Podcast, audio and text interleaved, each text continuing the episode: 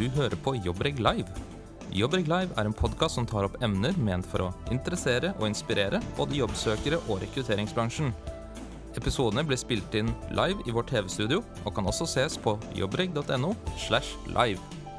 Programleder er som alltid daglig leder i Jobbreg, Arild Sandberg. I denne episoden får vi være med Erik Falk Hansen på hans jobbsøkerwebinar. Det å få seg jobb i 2019 handler om tre ting. Det viktigste har jeg allerede sagt, det var å være den beste jobbsøkeren. Men de andre tingene er det å se og bli sett. Jo flere ting av stillinger, spennende personer, eh, interessante nyheter og relevante nyheter som du ser, jo bedre. Jo flere selskap og rekrutterere som ser det, jo bedre. Sånn som med mye av alt av salg i livet. ikke sant? Man skal vanskelig ha det å selge en kopp hvis ingen vet at du selger en kopp. Og litt samme prinsippet med, med jobbsøk. Så vær den beste jobbsøkeren. Se og bli sett. Og det er med dette i bakhodet man setter seg ned for å lage en god plan. Nå har jeg hatt med meg ja, Hvis du inkluderer alt av kurs og Jobcatcher online, så har vi sikkert med oss 4000 personer. Men den har gått opp mot 3000 som jeg har møtt på kurs eller på foredrag eh, face to face. Vet du hvor mange som har hatt en god nok plan og strategi? Jeg tipper at eh, ifølge det så er det ikke så mange. Nei, det er null. Det er null, altså. Og eh, Det er litt skremmende. Men det er for at vi mister jobben. Og så tenker vi ja, nå må jeg få CV-en på plass, nå må jeg få det på plass. Istedenfor å sette oss ned og tenke litt Hvordan skal jeg gjøre dette? her? Ja, det jeg tror jeg du faktisk har helt rett i. For det er noe med det vanskeligste å ha en god plan og strategi, og så kan man kanskje begynne med det, da, og så skal man jo følge den. Men igjen, man er ofte veldig på egen hånd. Ja, Men ta si du skulle starte bedrift. Du åpner ikke butikken før du vet hva du skal selge. Nei, Du må ha en forretningsplan, du må ha en eh, Ja. Hvis du skal på ferie, du reiser ikke på ferie, så bestemmer du hvor du skal hen. Jo, det Kan godt hende. Litt, litt av det samme. Med alt her i livet så legger vi en plan. Dessverre så er det litt sånn når det kommer til jobbsøk, så gjør vi ikke det. Kanskje det har også litt med at før i tida så har det vært relativt greit å få seg jobb. Men du vil se at det å ha en plan og en strategi bak det, som ikke er noen sånne store greier, det vil gjøre at det blir mye gøyere. Du vil jobbe mye mer effektivt, så du kan bruke, mer tid på hunden din hvis du har hund, eller gravemaskinkjøring på kveldene hvis du liker det, Arild. Ja. Um, og få kvalitetstid på, på det det handler om det når du bruker tid på å, å søke jobb. Så det første jeg ville sett på, som dere snart vil komme opp på skjermen her, det er dette med kartlegging. Eh, Altfor få folk bruker tid på det. Og det er ikke noen sånne store greier. Men det å ta tre-fire timer for deg sjøl, eller kanskje med kona eller mannen eller tidligere kolleger, og sette deg ned og tenke Hva kan jeg? Det er én ting. Hvilke type selskap kan ha behov for meg? Hva er det jeg ønsker å gjøre? Og hvor vil jeg jobbe? Altså lokasjon. Så det kan være du bestemmer deg for ok, jeg er veldig god på HR og digitalisering. Hvem trenger meg? Det kan i grunn være alt av selskap over 50 ansatte som har fokus på digitalisering. Hva vil jeg? Jo, det er akkurat det jeg vil jobbe med. Og hvor vil jeg jobbe? Fra Asker til Lillestrøm. Da har du kartlagt akkurat hva du skal gå etter. Og vet at når du begynner å sette utstyret på plass, og sånne ting som vi skal se på, så er det dette du skal fokusere på. Da jobber du smart, effektivt, og du spisser deg inn. På lik linje som et selskap. Dere, Ja. dere retter dere inn mot to ting. Jobbsøkere eller kandidater, og selskap som rekrutterer. Dere driver ikke business og selger colabokser eller Stratos-sjokolader nedi veien her.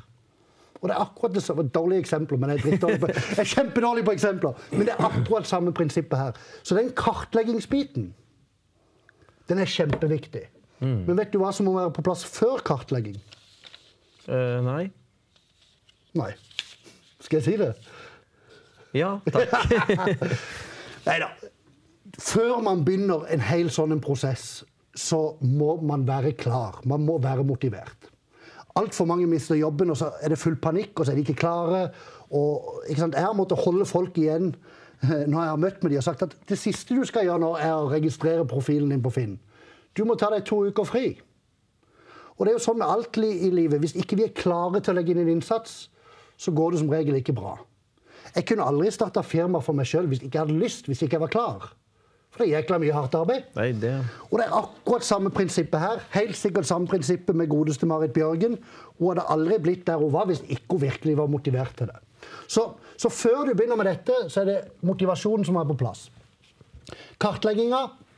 Gjør klart hva ditt marked er, på lik linje med noen som starter bedrift. Og så handler det om å få alt av utstyret på plass. Nå har jeg tatt for meg åtte ting her, og, og det er de Jeg lurer på om vi på våre kurser på Jobcatcher har 16 forskjellige ting, men, men noen av de andre tingene er litt for kompliserte å ta på et sånn kort webinar som dette. Men disse åtte tingene kan du enkelt få på plass før du setter i gang med din dagligdagse jobbsøkaktivitet. CV jeg skal hjelpe deg litt med det etterpå. Søknad skal hjelpe deg litt med det. En 100% optimalisert LinkedIn-profil. Jeg skal gi deg ett tips som gjør at du kan få det når mange tror ikke det går. Eh, kontoer på sosiale medier. Det kan være LinkedIn, Facebook, Instagram, you name it. Jobreg. Jobreg. Det er ikke sosiale medier, er det det? Nei. Jo, nei. Kan, nei, men det, det- absolutt. Viktig plass å være. Eh, skriv en tekst som du kan publisere på LinkedIn. Liste over selskap som kommer innenfor de rammene du har satt når du kartlegger hva du kan, hva du ønsker, hvor du vil. Liste på rekrutteringsselskap som er relevante. Mye bedre at du bruker et par timer på å finne ut de 20 mest relevante rekrutteringsselskapene istedenfor å løpe rundt som en galning og banke på dørene til alle. Ikke sant? Ja, da er jo jobbreg en veldig god plass å være. For der har vi full oversikt over masse gode rekrutteringsselskaper som har stillinger ute hos oss. Og da er det en enkel måte å kartlegge hvilke som er relevante. Og så til den siste som jeg tror nesten jeg tør påstå at de eneste jobbsøkerne i Norge som har visittkort, er de som har vært med oss. Og jeg kan ikke fatte hvorfor det er så få folk som gjør det. For den enkleste tingen i verden. Jeg tror du kan lage visittkort online via forskjellige typer selskap for 250 kroner for 300 visittkort. Visittkort har lite plass i lomma. På forsida av kortet så kan du ha hvem du er. Erik Falk Hansen, rekrutteringsrådgiver. Jeg kan kanskje ha linken til LinkedIn-profilen min og litt sånn. Kanskje jeg velger å skrive også at jeg søker ny jobb. Det kan man bestemme sjøl. Og hva kan jeg på baksida? Jo, en bitte liten mini-CV. Ja, altså du kan jo ta de punktene der. Hva kan jeg, Ja. og hva vil jeg, og hvor vil jeg jobbe? eksempel. Kan stå. Jeg vil Så uansett om du er på fotballtrening, på ei messe, eller på et seminar, eller i bryllup Du tar det kortet. Og det er jo sånn, Jeg syns jo visittkortet er gått litt ut på dato, men jeg merker jo sjøl at uansett hvilken type selskap jeg går på besøk til, så får jeg disse kortene. Så det er jo viktig. Jeg har ikke kort i dag, men hadde jeg vært jobbsøker, så er det det første jeg hadde fått med. Ja, altså Det er forskjell på å utveksle et fysisk visittkort. Eh, Det kan nesten si at det er et eller annet nostalgisk over det nå i dagens lege, enn å stå der med hver sin telefon og ja, søke opp din profil og har vi hverandre. Og, og og en sånn. annen liten som er litt gøy med visittkort. Tenk når du kommer på intervju. Er du på intervju, så er det fem andre. Du kommer inn, du får visittkort av personen som kommer intervjue deg. Du er den ene av de fem som gir visittkort tilbake. Altså Snakk om å, å, å, å bli imponert av det for den på, på andre sida. Så, så dette er åtte ting som jeg ville fått på plass før jeg liksom satte i gang med min daglige aktivitet. Når det var på plass, så vet jeg at kvaliteten er der. For jeg har brukt spesifikk tid. Jeg har ikke bare rota sammen en CV i all hast. Jeg har satt meg ned og spesifikt lagd det beste ut av hver av disse tingene. Og det som gjør da, er at du kan både sikre deg mer kvalitet i alt du gjør, men også at du kan jobbe mye mer effektivt. For du trenger ikke bekymre deg for disse tingene. Så istedenfor Kari som logger seg på morgenen og tenker ja, hvilke rekrutteringsbyråer skal jeg kontakte i dag, og la meg se, google ditt og datt, og så kanskje hun finner fram til noen som ikke er riktige. Du kan da bare ta for deg to hver dag som du har på denne lista di, når du satte deg ned og brukte noen timer på å forberede deg. Så som alt annet i livet, det å være forberedt og ha satt seg ned og, og gjort disse forberedelsene Du har alt å spare på det, og også alt å, å tjene på det. Jeg tror en av de viktigste gevinstene du vil få med å gjøre dette først, er at da har du gjort en innsats, og du får en selvfølelse som er positiv. Du vet at ja, her er det noe bra, og hvis du da i tillegg har et visittkort, og sånn, så gjør det et eller annet med en gang med at du er i gang, du er jobba på, og gir disse, får selvtilliten eh, litt, den du trenger. Det har jeg aldri tenkt på, men det er jo, hvis jeg kan stjele den av deg, skal jeg Jo. bruke den i framtida. For det, det er helt rett. Det blir å koste litt. Men, eh, men eh, jeg tror det er kjempeviktig, som Ja. du sier, og et veldig bra poeng. Og hvis man starter her, så har man gjort en, en jobb, og, og, og det tror jeg Um, påvirker bra. og, og når man da begynner å jobbe med dette, så er det jo viktig at man ikke gir opp. At man liksom liksom Bare fordi det går dårlig en uke eller dårlig en dag, så må man fortsette. Men en annen ting å, å huske på er når man begynner å bli sliten og litt lei og demotivert, så må man jo kunne slå av PC-en for et par dager og, og finne formen igjen. Ikke sant? Vi blir skada når vi driver med idrett. Nå er det lenge siden jeg har drevet med idrett, men når man driver med idrett og blir skada, da må man ta seg en pause. Og det tror jeg også vi skal være fokusert på når man søker jobb. At man, man tør å, å ta et steg vekk når man trenger en pustepause. Sånn at når man kommer tilbake, så er man fokusert og, og helt på på en måte. Så planen blir på en måte din venn, og ikke minst ditt konkurransefortrinn med tanke på andre jobbsøkere. Jeg er helt overbevist om at hvis alle dere som er med, skal få deg jobb nå i dag, eller alle dere som er med i dag, skal få deg jobb, så må alle ha en god plan og strategi på plass. Og for all del, ikke være redd å bruke litt tid på det. Hvis Kari sitter der og begynner å gjøre den kartlegginga mens Jonas sitter og søker på jobb, jobber, det er fortsatt større sjanse for at Kari får jobb. Jeg er helt overbevist. Så det var dette med plan og, og strategi. Um, nå skal jeg snakke om det som kanskje er der vi har klart å tenkt mest nytt, og hvor jeg kommer med en del tips til dere som ikke dere kanskje har hørt før, eller dere tenker at det kan jeg enkelt implementere. Eh, Og igjen så må jeg bare presisere, på, på Jobcatcher så bruker jeg omtrent en time på hver av disse. Ja. Og nå skal vi få det inn på, på ti minutter, men jeg håper i hvert fall du kan ta med deg noe av dette på veien videre. Og, og det er seks kanaler til ny jobb. Og nå må jeg bare komme videre på neste side, så kan du se det på skjermen. Men dette er de seks kanalene vi har sagt kan lede til ny jobb. Det er utlyste stillinger. Det er jo den alle fokuserer på. Det er rekrutteringsselskap. Det er sosiale medier. Det er nettverk. Det er åpen henvendelse, og det er databaser. Hvis du jobber innenfor alle de, så gir du deg så god sjanse som mulig til å få deg jobb. Jeg vil også tørre å påstå at hvis du jobber innenfor alle disse kanalene, så vil det være mye mer givende og gøyere, om du kan kalle det det, å søke jobb. Og desto bedre du jobber innenfor disse kanalene, altså hvis du er den beste jobbsøkeren innenfor disse kanalene, så er det også økt mulighet for å få deg jobb. Så jeg skal gi deg noen raske tips på, på alle disse. Utlyste stillinger det betyr at et selskap legger ut en stilling. Et selskap eller rekrutteringsselskap legger ut en stilling på f.eks. Jeg bør vel bruke Jobreg nå, men eh, Ja. ja, Men jobreg.no eller finn.no, ikke sant? Det første du skal gjøre, det er at du skal, ditt mål skal være at du er den første i Norge som søker på den jobben. Og for å være den første i Norge som søker på den jobben, så burde du også være den første i Norge som ser den jobben. Ok? Så jeg pleier å si, satt litt sånn på spissen, at det første du skal gjøre på morgenen når du våkner opp, og det du i din type dagplan, det er å sjekke de forskjellige stillingsportalene. Og da sjekker du hver dag. Men når du da gjør dette søket, så legger du inn bare kun stillinger de siste 24 timene. Men uh, ja. er det så, har det så mye å si at Det har er først alt å si. ute? Jeg skal forklare hvorfor. Ja. For det første, de fleste selskaper, jeg har spurt hundrevis av selskaper å rekrutterer om dette, de første par CV-ene og søknadene som kommer inn, man er alltid litt nysgjerrige på kvaliteten. Men når resten av røkka 50-100 søkere kommer inn, så har man ikke tid, man legger det til side. Så bare det å søke, være den første en eller to som kommer gjennom, gjør at de kanskje åpner det du har sendt, for å ta en titt. Er du ekstra heldig, så kan det være de tenker wow, dette var en bra person. La oss få den inn. Men uansett, det gjør at du mest sannsynlig blir sett før alle andre. Og det du skal bruke tida på fra du finner stillinga til å sende søknaden, det er ikke å ringe med disse irriterende spørsmålene som du har lest et eller annet sted i Aftenposten at du bør stille.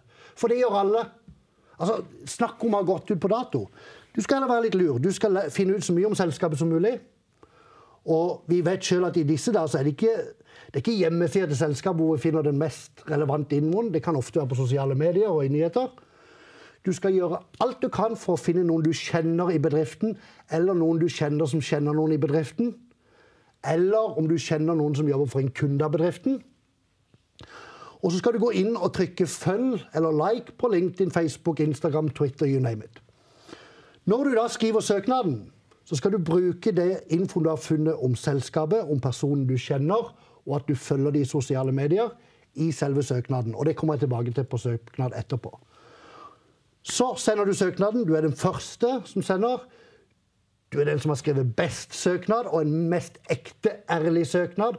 Og ikke bare det oppgulpet alle andre skriver. Og bare det gjør at du mest sannsynlig har skilt deg ut, og at de har sett det. Og så har du samtidig ikke vært den irriterende personen som har ringt opp med noe helt uvesentlige spørsmål fordi det har blitt fortalt av noen at det er det som skiller deg ut. For det gjør alle andre. Så det er det viktigste når du skal søke på stillinger. Finn stillinger først. Søk så raskt som mulig. Og hva kan du gjøre dagen etterpå, Arild? Hvis du har litt baller og tør å gå opp i den strikkmasta? Um, du kan jo prøve å oppsøke aktivt de som har uh, Altså, det oppgis jo kontaktpersoner hele tida. Ja. Så en ting er jo at man kan klikke på 'send inn søknad', og det gjør man gjerne. Men det er ofte mail og telefonnummer til Ja. kontaktpersonen. Så det jeg ville gjort dagen etterpå, et, etter jeg hadde sendt søknaden, jeg ville bare ringt de opp og sagt hei, dere. Eh, Søkte på en spennende stilling i går. Mm. eh, jeg skal ned en tur til Asker i dag, når jeg tenkte når jeg først kjører forbi der Hvis jeg har fem minutter, så kommer jeg gjerne inn på en kopp kaffe. Ikke sant? Vær litt um, Istedenfor å være den som bare ringer med noen tenkte spørsmål. Alt du gjør, er å spørre når jeg først skal forbi der. Kan jeg komme innom? Jeg tenker én av tre vil si nei. Nei, én av tre vil si ja. To av tre vil si nei. Men so what? De vil i hvert fall huske det for at du var den personen som turte å by litt på deg sjøl og gjøre noe som er mye mer proft enn å være den som leste fra en tekst mens du ringte og stilte noen spørsmål som du hadde blitt fortalt du skulle spurt. Oh, ja. Og jeg kan si det én ting fra våre kurs, så det er det dette, akkurat den framgangsmetoden som har gjort forst, um, størst forskjell. Og når vi, når vi har hatt private kurs, så tar vi en sånn runde rundt bordet. Hvorfor blir du med? Og jeg vet spesielt i litt mindre byer, som når vi har hatt kurs i Kristiansand, så har det en, en eller to som sier at jeg ble med, for jeg er så lei av å bli slått av dere deltakere på stillinger. ja. Så det er mine råd å ta til deg. Litt vanskelig når jeg bare forteller sånn kort, men der kan du virkelig gjøre noe. Når det kommer til rekrutteringsselskap, og når de har utlyst stillinger, så er det bare å følge den prosessen vi gikk gjennom nå. Men for å få en fot inn med rekrutteringsselskapet før de har en stilling, det er litt vanskeligere. Men rekrutteringsselskap eller personer er jo mennesker, de også. Og de har ofte en type sånn rangeringssystem. Tro det eller ei, noen har lister på veggen av topp fem innkjøpere, topp fem HR. Helt, helt sant. Andre har et sånn ratingsystem i databasen. Noen er kanskje sånn som meg, bare har det i hodet, husker, ikke sant? Men uansett, du skal være på toppen av den lista. Sånn at hvis du jobber som HR-rådgiver, og de får inn en HR-rådgiveroppdrag, da skal de tenke vi ringer Ravild'. ja. Det er målet. Så hvordan gjør du det? Det første er jo for det første i kartleggingen din å finne de mest relevante byråene. Det første jeg så ville gjort, var å gå inn og merke trenden her på noe av det samme jeg sier. Gått inn på Facebook, Instagram, Twitter, LinkedIn og trykke følg. Og så ville jeg registrert meg i databasen, eller oppdatert meg hvis ikke jeg har gjort det på en stund. Og så ville jeg ringt dem og bare sagt jeg søker jobb, jeg har hørt mye bra om dere. Istedenfor å løpe rundt til alle byråene, så har jeg lyst til å fokusere på dere. Jeg lurte på om hadde, tid- dere hadde tid til at jeg kom innom en tur. Kanskje de da sier at nei, akkurat nå har vi ikke noe relevant for det, så vi har ikke tid. Men da sier de samtidig at det er lov å mase litt på dem. Så hvis du da får et nei, det har vi ikke tid til, så har du i hvert fall gjort noe for å skille deg ut. Eh, Men så er planen din at hvis ikke du har hørt noe fra dem på tre uker, skal du ringe dem igjen. Men i mellomtida, fra du har fått nei til et møte til du ringer dem igjen, så kan du skille deg ut og vise deg fram veldig enkelt. Og veldig få tenker på det. Og jeg tror ikke jeg har sett én jobbsøkertekst som det er nevnt. Du følger dem på Facebook. Vær med og hei litt på dem. Hjelp dem litt. Ja. De legger ut en stilling som ikke er relevant for deg. Del det med ditt nettverk. Trykk like eller skriv 'gratulerer' hvis de har vunnet en ny kontrakt. Det er jo kjempe, kjempegod måte å være litt frampå på. Jeg bruker det samme sjøl. Hvis jeg ser et selskap som er spennende for oss å jobbe med, som legger ut at de har vunnet et stort prosjekt, uavhengig om jeg kjenner de eller ikke, så skriver jeg 'gratulerer'. Jeg får jo alltid et likeklikk tilbake. Og når jeg da etter hvert kontakter de, så, så husker de hvem jeg er. Så det er sånne enkle ting i moderne jobbsøkerverden man kan gjøre for å være litt frampå, og som ikke koster verken tid eller Det er jo ikke noe å være redd for. Nei, altså Det er jo absolutt kjempegodt poeng. Jeg jobber jo litt selv sånn eh, markedsføringsmessig. Man må på en måte tørre å by litt på seg selv. Ja. Mm. Eh, Rett og slett vise hvem man er. Og man må inn og engasjere seg litt. Og, og det, det funker. Ja. Man blir plutselig kontakta. Og, og så, sånn er det. Men det er jo det du snakker om. Det er jo den her å tørre Ja. å komme seg ut av komfortsona. For det er ikke alle som er, veldig, som er så eh, komfortable med å, å faktisk gjøre disse tingene. Men, men man må huske at dette virker, og, og, og, og disse, i dette tilfellet rekruttererne de, de syns jo bare dette er bra. Det er jo derfor du skiller deg ut. Og så er det gjerne å ringe de igjen og høre om de har tid, og, og før du vet ordet av det, så har de plutselig ringt dem med en stilling. Ikke sant? Eh, I England, bare en kort historie innenfor eh, finansbransjen. Eh, hvis du ville ha ny jobb, og du jobba som aksjemegler f.eks., da sørga du for at du gikk og drakk fredagspils der hodejegeren var. ja. Så jeg sier ikke at det er det vi skal gjøre, men, men det å være oppsøkende mot dem gjør at du viser deg frem og gir de en sjanse til å finne det og prioritere det. Sosiale medier Det er ikke så veldig mye jeg skal si om det, men, men jeg tenker uten å ha tall på det, så vil jeg tenke at 25% av ansettelser i 2019 har på en eller annen måte noe med sosiale medier å gjøre. Ja, du var jo, har jo vært inne på sosiale medier. Ja.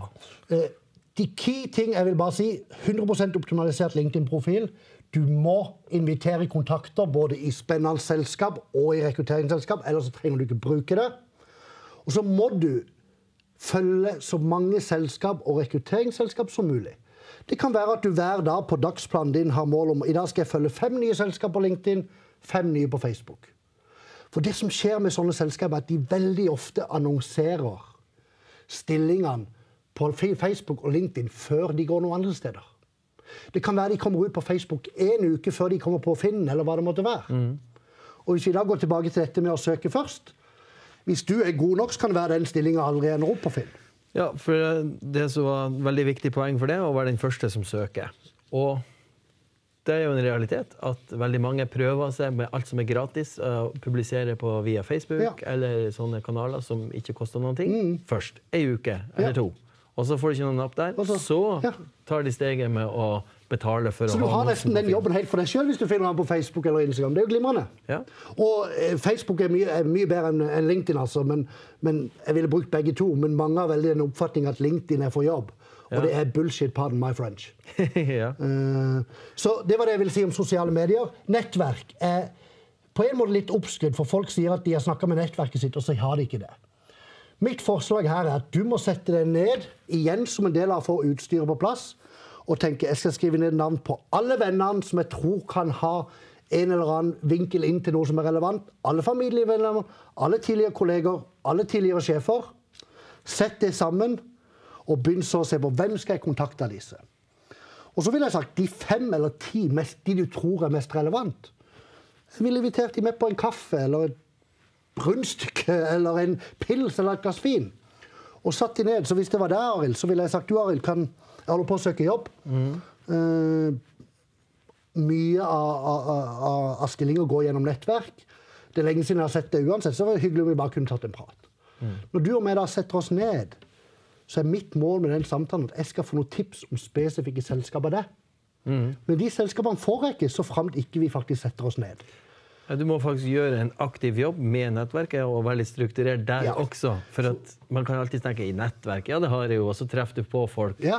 Greit nok, men det er veldig viktig her også å faktisk gjøre den jobben som eh, når du skal invitere Ja. til venners venners fest. Da må du faktisk sette Du ned og tenke det, og- igjennom og få det ned. For hvis ikke, hvis det er bare sånn jeg skal øh, lufte det med nettverket Alt du får tilbake, er liksom må det løse seg for flinke mennesker, eller bare stå på, du. Ja, ja. Men det gir jeg blanke i. Jeg skal ha noen konkrete ting fra de mest relevante i mitt nettverk. Og får jeg det, så skal jeg vise på neste kanal hvordan jeg enkelt kan komme i kontakt med disse. Så ikke si eller tenk at du bruker nettverk hvis du bare hvisker til noen venner at du søker jobb.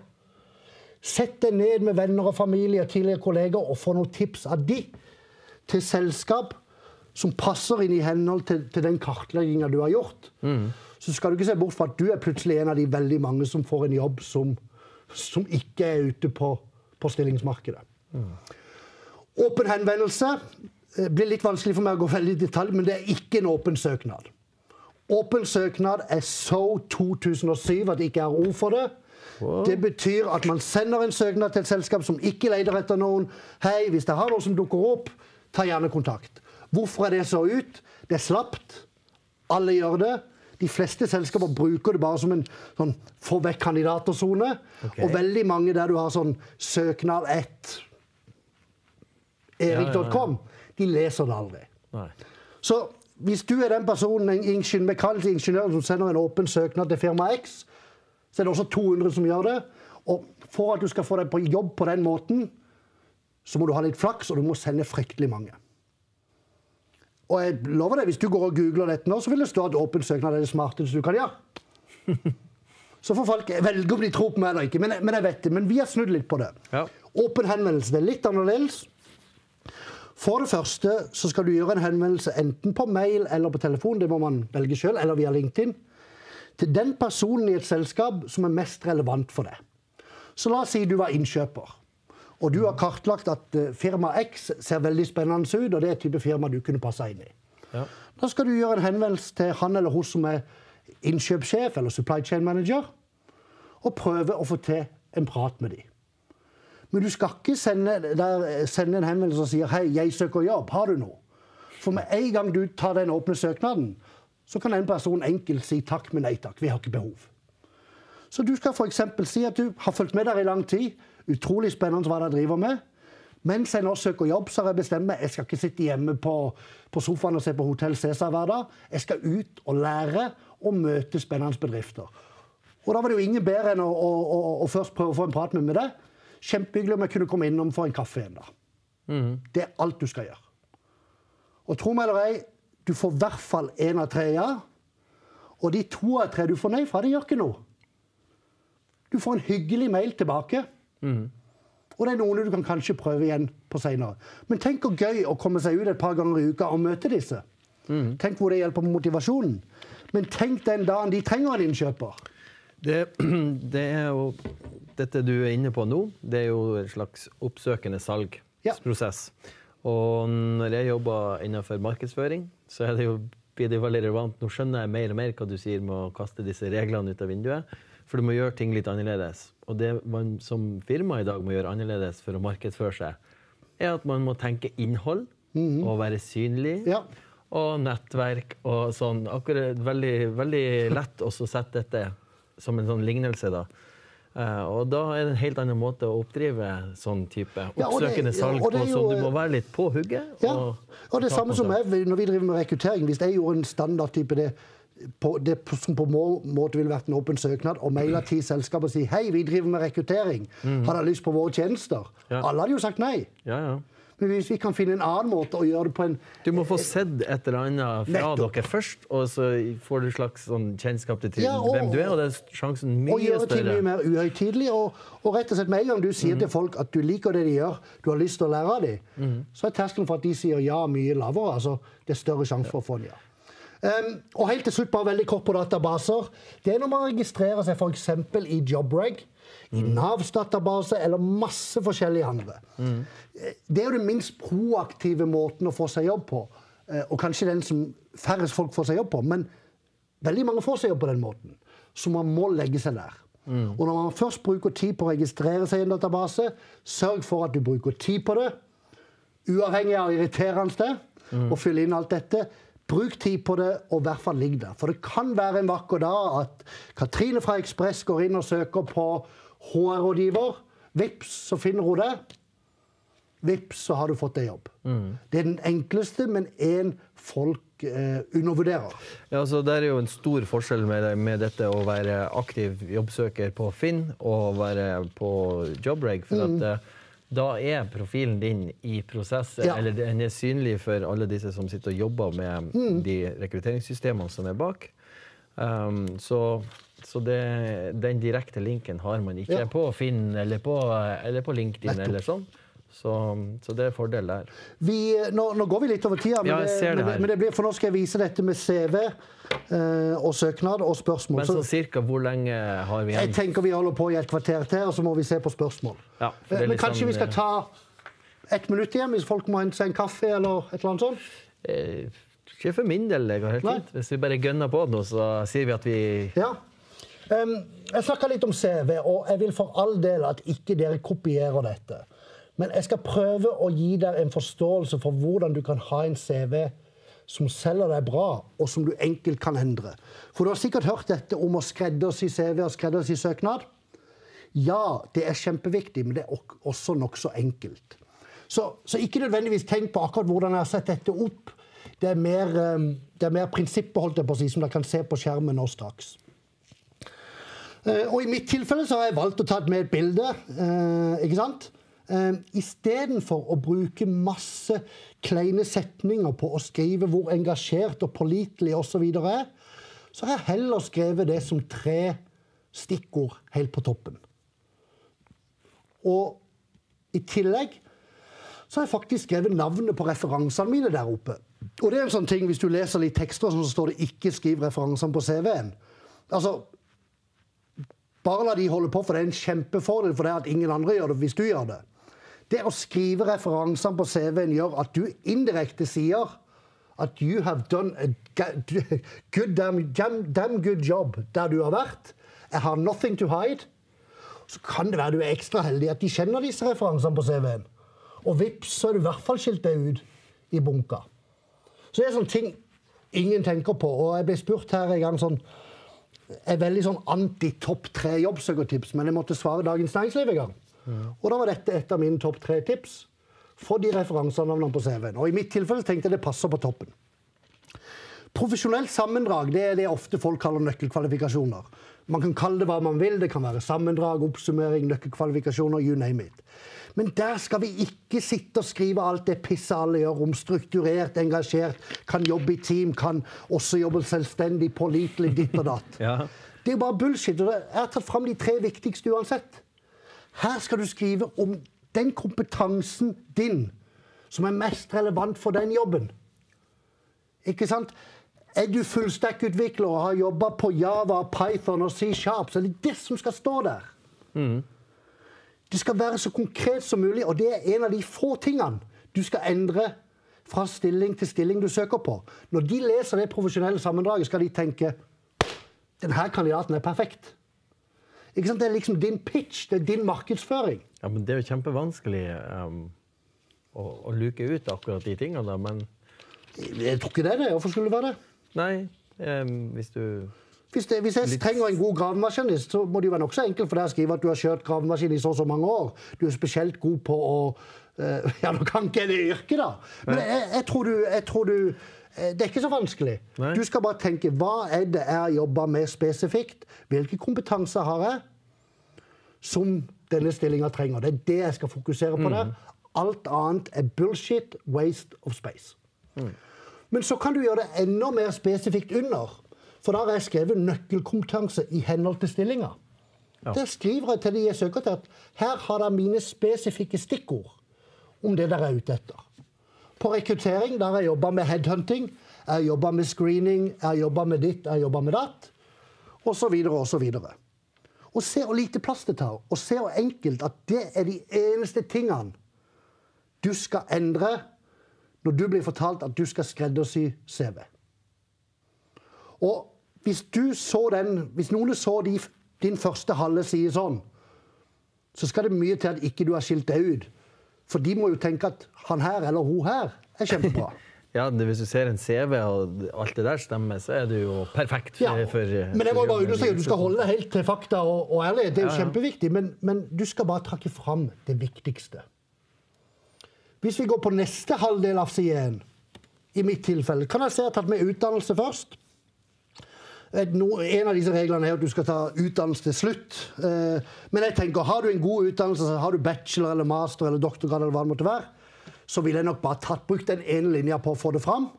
For jeg vet at veldig mange uten utdannelse er frustrert over at ikke de får seg jobb. Så du som har utdannelse, burde i hvert fall bruke det for sitt beste. Og det tar ei linje. Når det kommer til arbeidserfaring, så vil jeg trenger ikke sette det opp sånn som dette, men jeg ville, jeg ville personlig brukt noen setninger på å skrive spesifikt hva jeg gjorde i den jobben. Noen stikkord om andre ting jeg gjorde som også kan være relevant. Og hvis du har jobba i en stilling med, det, som er basert på prestasjoner, hvis det blir riktig å si, mm. så vil jeg også skrive litt om hva du har oppnådd, altså dine oppnåelser. Og så enkelt kan det være å ha en CV som skiller deg ut, og få fram det de ønsker. Og så er det jo ting som sikkert på side to som alle kan legge med om eh, hobbyer og kurs og verv og alt sånne ting. Bare husk less is more. Ta med det viktigste. Så må jeg ærlig innrømme en ting verst jeg vet, er når folk ikke tar med interesser på CV. Du har alt å tjene på å bruke et par linjer på å skrive hva du driver med utenfor jobb. Fordi da viser du virkelig hvem du er og du skiller deg ut. Ja, for du ser jo en, med en gang liksom, det faglige, erfaringa og utdanninga og hva du har lyst til å jobbe med og sånn, om det er relevant. Hvis det er relevant, så er du over på neste eh, trinn. Hvem er du, da? Ja. Ikke sant? Og da må vi få fram det. Ja. Så må du bare se litt i henhold til hva du jobber med, og hvor lenge du har jobba. Om CV-en blir én, to eller tre, eller kanskje til og med fire sider. Litt avhengig av. Du må bare sjøl bestemme hva som er best for deg, og så må du ta deg friheten til å tørre å bestemme hva som er best for det. Så jeg er sånn antikopierer noe. Så for all del, ikke kopier dette, men jeg får gi deg litt ideer om hvordan du enkelt kan, kan endre det. Så var det bare litt om, om søknad før vi er ferdig. Um, og hvis dere går på bloggen min, som ikke jeg skriver på så ofte, som er Erik Falk i, i ogs.com um, så hver jul så, så, skriver jeg en tekst som er nokså lik, som heter 'Julekort til tante Olga på Toten'. Og det er en sånn litt ironisk vri på hvor teit en jobbsøknad vanligvis blir skrevet i Norge, bare i form av et julekort. Og da begynner jeg med tante Olga på Toten, viser til året som har vært, og tillater meg her å sende deg et julekort. Igjen, En søknad begynner ofte sånn. Viser til utlyst stilling for prosjektleder, og søker herved på denne stillinga. Min motivasjon for å søke denne jobben er litt lenger nede. Folk rundt meg sier jeg er strukturert, løsningsorientert, ditt og datt. Og så spør jeg er det sånn vi snakker til vanlig. Er det det? Nei. Nei. Det blir litt hvor, rart. Ja. Så hvorfor gjør vi dette når vi søker jobb? Jo, for noen fortalte oss det på 80-tallet.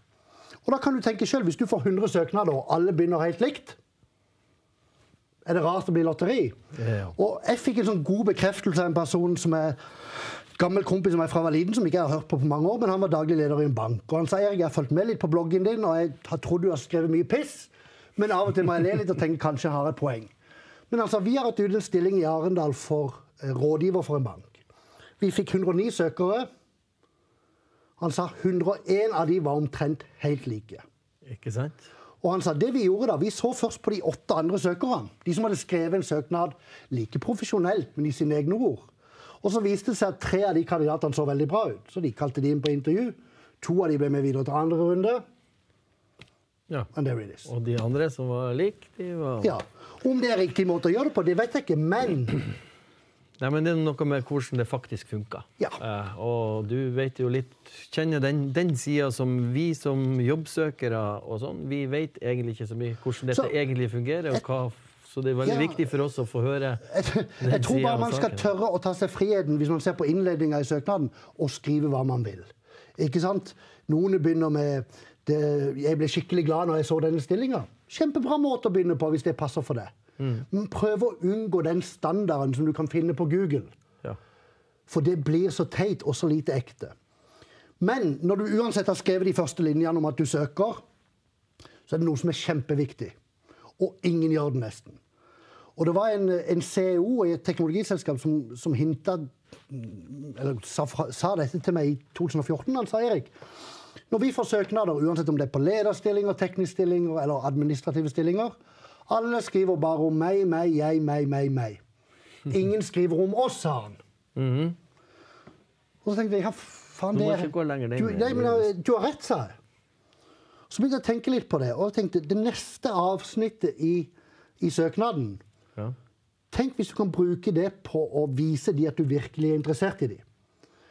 Og da mener jeg virkelig. Du kan smigre de litt på en måte. ikke sant? Har fulgt med dere i lang tid. Spesielt gøy å følge med dere på Instagram, hvor dere legger ut disse bildene av hytteturene. Ja. Snakka forresten med Per Ola. Han hadde bare positive ting å si om det. Et eller annet sånn, uten å gå over the top. For hva skjer hvis jeg sier noe fint i min søknad til dette selskapet? Hva tvinger jeg de da til å gjøre? Ja, Lese videre. Ja det er jo faktisk eh, sant, det. Så det er noe av det jeg ville fått inn på fire-fem linjer tidlig i søknaden. Og så kan du da gå over til å bruke tid på deg sjøl. Det er litt det her ta og gi. Og når du skal skrive om deg sjøl, så fikk jeg et annet godt tips en gang som jeg tror jeg har nevnt tidligere. Fokuser på lite, men det viktigste. Ikke sant? Og du har sikkert hørt dette med å speile stillingsannonsen. Så hvis de leter etter noen som er strukturerte, engasjerte, pålitelige, teamfokuserte osv., så, videre, så må du skrive om det i søknaden. Bare tenk på det. Er det noe poeng? Kan ikke alle bare skrive at de er det? Og mest sannsynlig, de som har skrevet annonsen, vet ikke sjøl hva de har skrevet engang. Så du skal heller tenke sjøl. Hvilke styrker trenger man i en sånn jobb som dette? Og hvilken teknisk kompetanse er det de trenger? Og det er det du skal fokusere på i to eller tre avsnitt, litt avhengig av hvor lang søknad du ønsker å skrive. Så det der med å speile søknaden, slutt med det. Igjen, det er litt sånn 2007, men som fortsatt lever i dag. Så litt annerledes innledning. Bruk tre-fire-fem linjer på å skrive hvorfor du er så interessert i de, og uten at det blir sånn kleint, smigre litt. Så kan du skrive om din spesifikke kompetanse. Så kan du skrive litt om din personlige kompetanse. Men ikke gå i den fella at du bare skriver om at det blir bare en speiling av annonsen. Tenk heller sjøl. Hva er det som er viktig for meg å få fram? Og så er det heller ikke noe i veien å skrive på din egen måte. Og det er det jeg litt prøver å vise i dette julekortet. At skriver man et julekort, så skriver man sånn som man vanligvis oppfører seg. ikke sant? Sånn skal du også skrive en søknad innenfor visse grenser. da. For Da er du inne på dette med å tørre å være seg selv. Ja. Ser vi på alle disse bloggerne, og jeg er ikke noen følger av rosa-blogger, og sånne ting, men, men én ting man må si, er jo at de har gjort det veldig bra. Og tjener gode penger. Ja, de viser en Om man, om man liker Linni Meister eller ikke, det, det, det er ikke det som er poenget. De gjør det bra. Men de skriver akkurat på sin måte, og det er derfor de får tusenvis Mm. av følgere. Og det er litt samme prinsippet her. Nå bruker jeg det bare som et eksempel. Ikke bare derfor, egentlig, sånn sett. Hvis det det kommer litt an på, men, men, men alt i dagens eh, samfunn Ja, ja. handler mye mer om å være seg sjøl og bli, bli forstått på en ekte måte. Å tørre å by på seg sjøl, også å vise hvem man er, da. Men, men nå er det ikke snakk om å gå ut til hele verden eh, helt offentlig. Nå er det jo faktisk snakk om å tørre å vise hvem man er, til utvalgte, Ja. utvalgte byråer man velger Ja. å følge. og sånn. Og en, og en arbeidsgiver eller en hodejeger rekrutterer, de ønsker alltid å se den ekte deg. Og det er vel så frustrerende for de Ja. Når de får folk på intervjuer som svarer det samme som alle andre fordi de har lest at de skal svare det, stiller de samme spørsmålene, skriver det samme i søknad.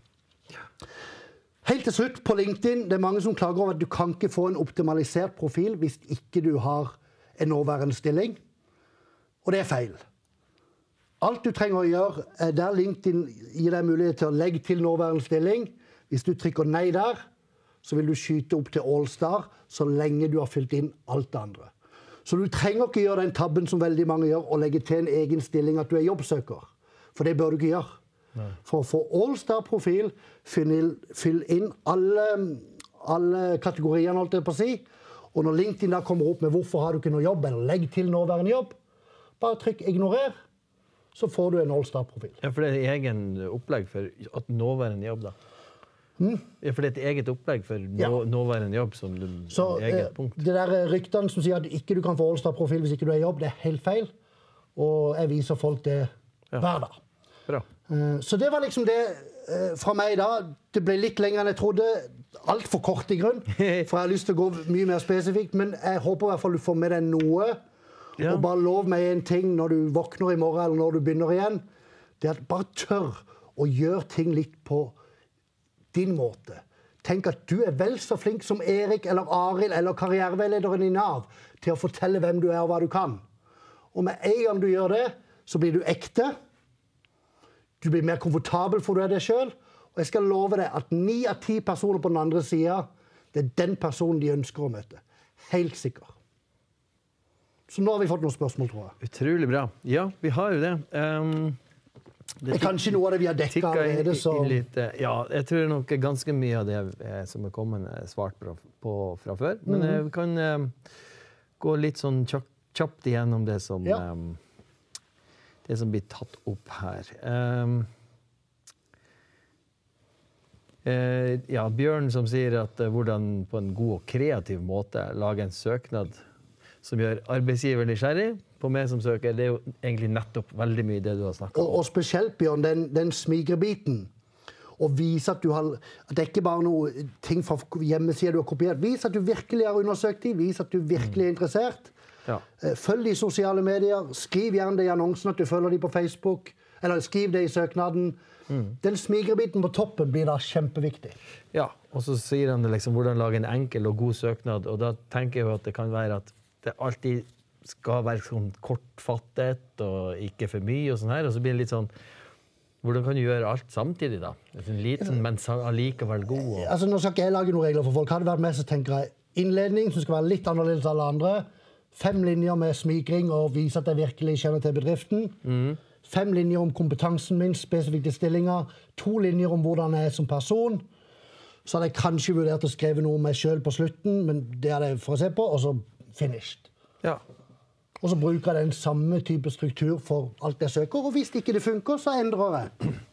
Men her er, siden vi er inne på å snakke litt om, eh, om eh, nettsider og nettverk og portaler og sånn, så er det Bjørn som sier eh, ønsker tips på hvordan man kan skille seg ut når du sender søknad ved et skjema på nett.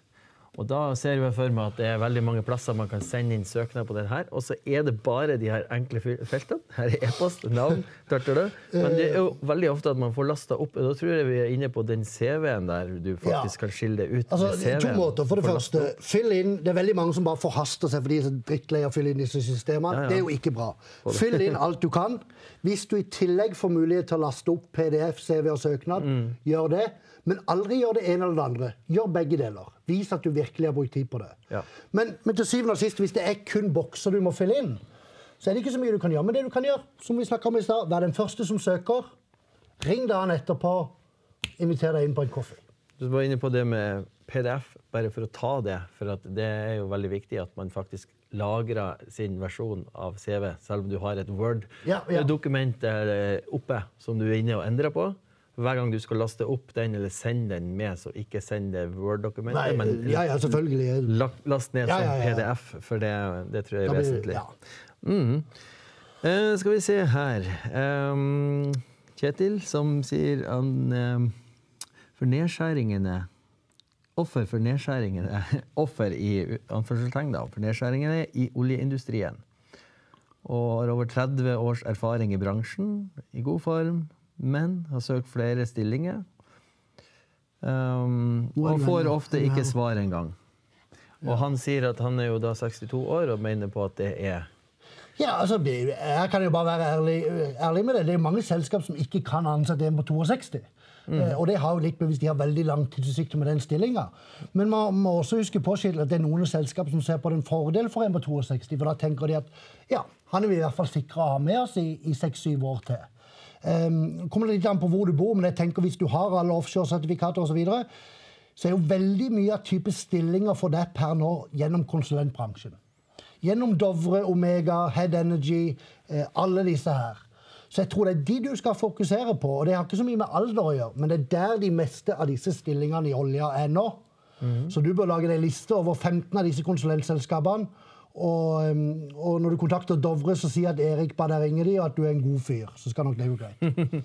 Ja, du kan bare se videre på lista Tonje, her. hei Tonje, hvis det er det, Tonje. Eh, kan du gi et eksempel på hvordan man kan være beste jobbsøker? Det er vel rett og slett å gjøre alle disse tingene. Det er å bruke de seks kanalene, og bruke de riktig. Det er å lage en plan hvor du kartlegger, og hvor du eh, får alt utstyret på plass. Det er å kunne fokusere på å når du er demotivert, at du tar en pause.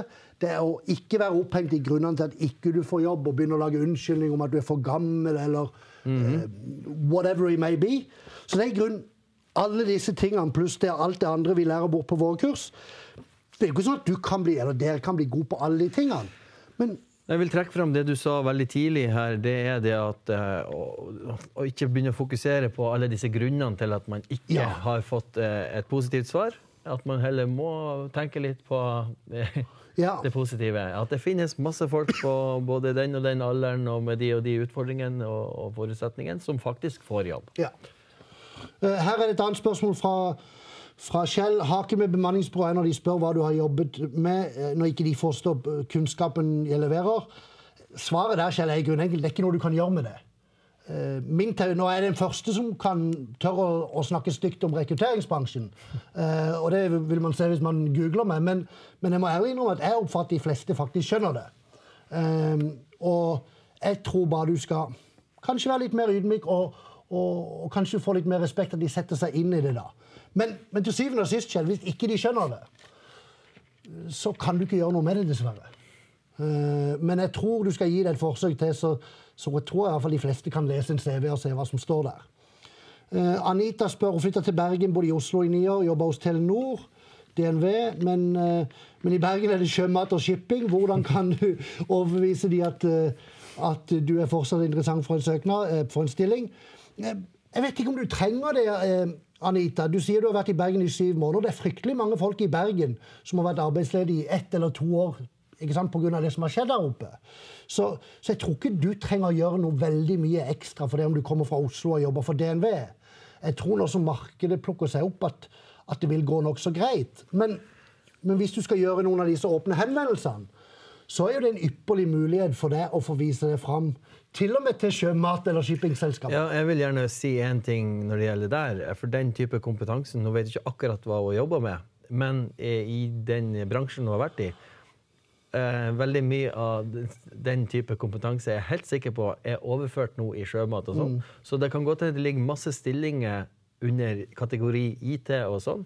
Som faktisk handler om eh, bedrifter som jobber Ja. med sjømat og sånn. For at det kommer IT, og det kommer eh, masse sånne type ting. Ja. Hele veien mer og mer i andre, andre bransjer også. Og så har du jobba for DNV, altså Det Norske Veritas, så, så det er jo så, så status som det kan bli inn mot ikke minst shipping, f.eks. Um, Trude sier jeg kommer alltid til, kommer til førstegangsintervju. Det er kjempebra. Uh, mange som sliter med det, Trude, men så kommer du ikke videre. Føler at det ødelegger for meg selv ved å bli nervøs. Um, det jeg helst ville sagt til deg, gå og kjøp dette Jobcatcher-programmet vårt, for, for der vil vi løse det med en gang. Men, men nei da. Um, man må jobbe litt med det, og det er kanskje det vi har hatt mest suksess med på våre kurs.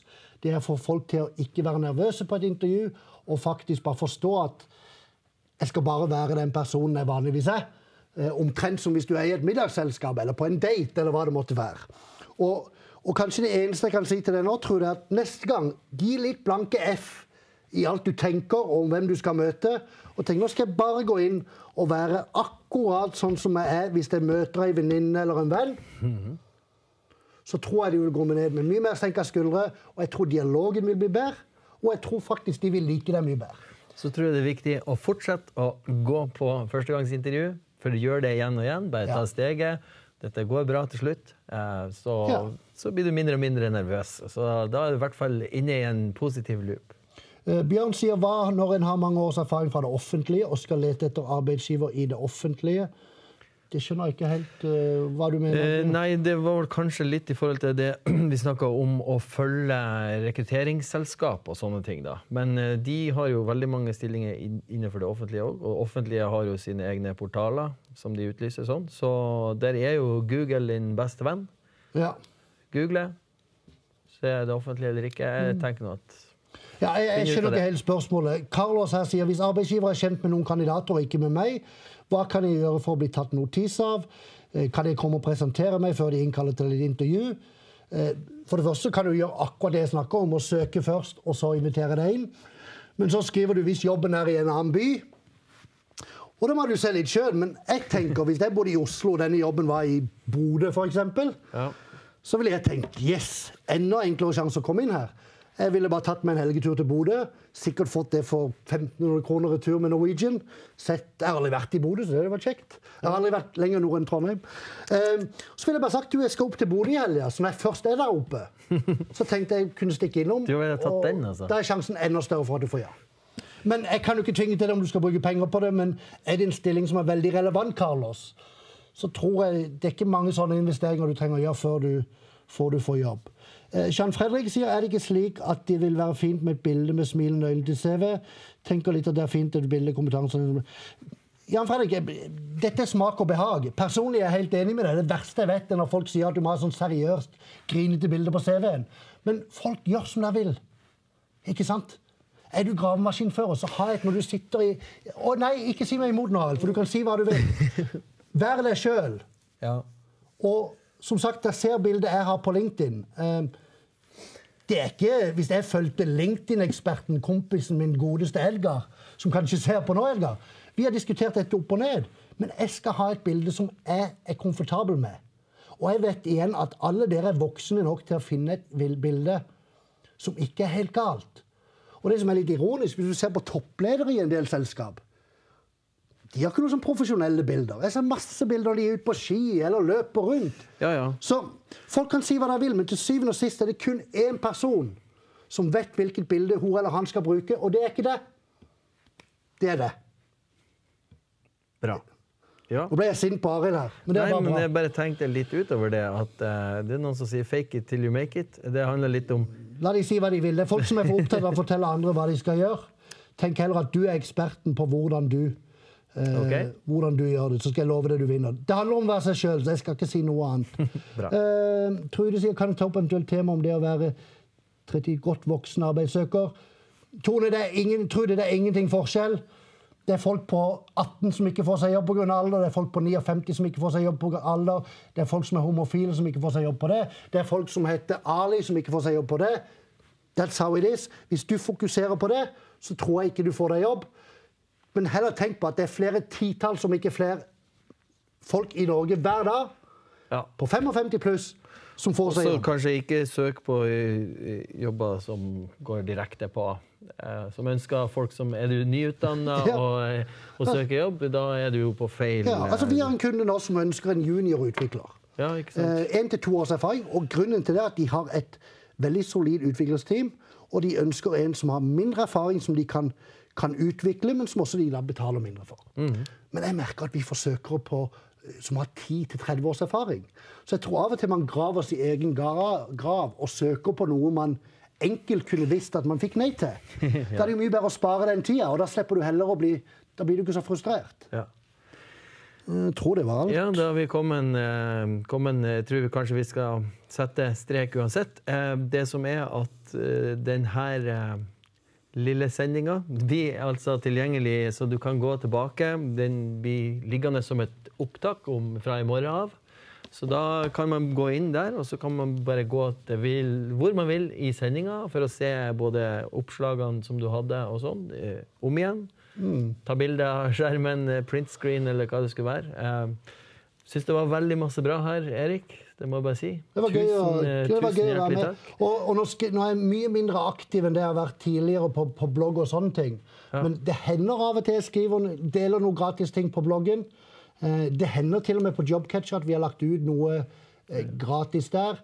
Eh, og selvfølgelig man kan gå gjennom og bla seg gjennom alle de gamle artiklene eh, Ja. På bloggen. Det er bare nå framover så bruker jeg mindre tid på dette. Er Og det skal ikke være noe problem å finne fram til han Erik på den måten. Vi har tagga han i alle innlegg på, eh, på LinkedIn og, og på Facebook og sånn, så da vil dere garantert finne bloggen hans og sånn. Men hvis ikke, så send spørsmål til oss. Der er bare å fortsette å sende inn tips og henvendelser til de som ønsker det. Så, Og så skal vi se om ikke vi får til flere av disse typer seminarene. Eh, Vi har eh, Jobreg Live, som vi sender annenhver fredag. eh, Der vi også inviterer eksperter og kommer med ikke kall meg ekspert. Du kan gjerne invitere andre eksperter, men ikke kall meg ekspert. Eksperter. Da kommer jeg aldri igjen. Nei, men, men, men veldig bra. Jeg tror vi skal få runde av her nå, og så skal du få en siste Nei, tusen takk. Jeg, håper det var greit. Folk som kjenner meg og som følger meg, vet at jeg snakker fra levra og sier ting som det er. Eh, Men det tror jeg du også skal. Selvfølgelig innenfor visse rammer. Så vær deg sjøl.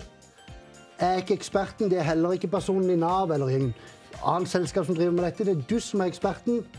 Og er du flink nok til å registrere deg for dette og bli med, så er du flink nok til å bestemme akkurat sjøl hva du skal si, hva du skal skrive og hva du skal gjøre. Og du kan spørre enhver arbeidsgiver der ute. Det er den personen de ønsker å møte, ikke den personen med jeg sier at du skal være. Så vær deg sjøl er litt sånn Det høres litt hva er ordet jeg leter etter uh, klisjé ut. Men la det bare være en klisjé. Det funker på én, to, tre. Og det i dagens lege er viktigere enn noen gang. Thank you.